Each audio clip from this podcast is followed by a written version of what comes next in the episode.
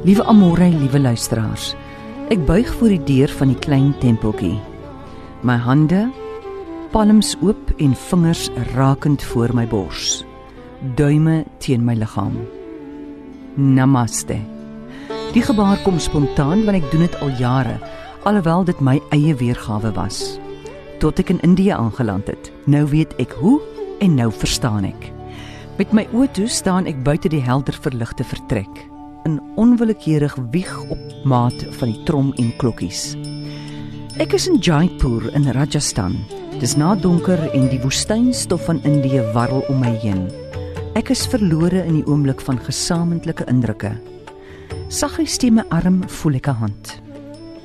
Dis 'n maar Indiese askeet, cappuccino vel. Die styl hare so swart en blink soos die breekvlak in vulkaanglas.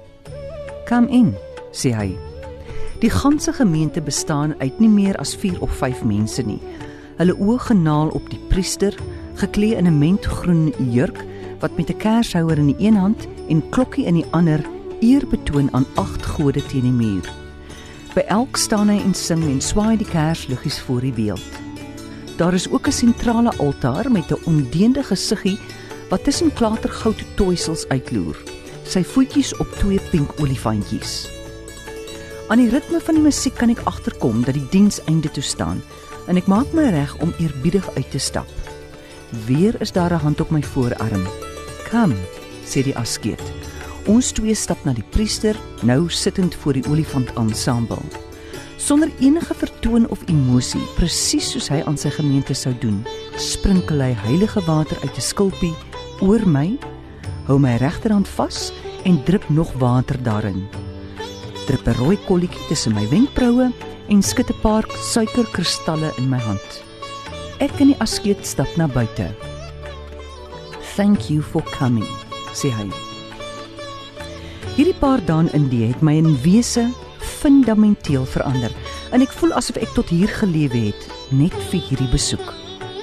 Nou mense is mense met hul eie soortige maniere en kultuur en as westerlinge is ons geneig om afleidings oor hulle te maak wat op fiksie en persepsies gebaseer is. Juist daarom is dit so gevaarlik en roekeloos om veralgemenings te maak oor mense en nasies.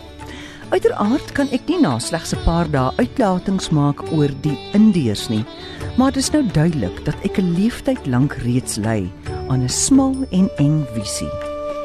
Uit my leeskennis weet ek veel van die geografie, die ekologie en selfs die kulturele verskeidenheid van hierdie verstommende land, maar nou beleef ek dit aan eie lyf.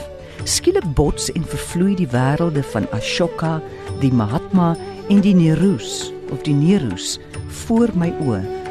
En ek verstaan hoekom hulle uit hierdie mateloos ryk aarde verrys het. Gister nog in Delhi staan ek voor 'n Sikh tempel waar 25000 mense daagliks 'n gratis bord kos kry. Die bydraes in geld en groente van die wat dit die minste kan bekostig. En van die priesters in suiwer wit linne geklee kom na my toe. You are a lucky man. sê hy en stap weg. Hoe reg is hy nie? Want op skuins voor 70 het ek vir die eerste keer besef hoe waarlik gelukkig ek is met geliefdes en vriende in my lewe. Namaste. Ja, namaste. Dave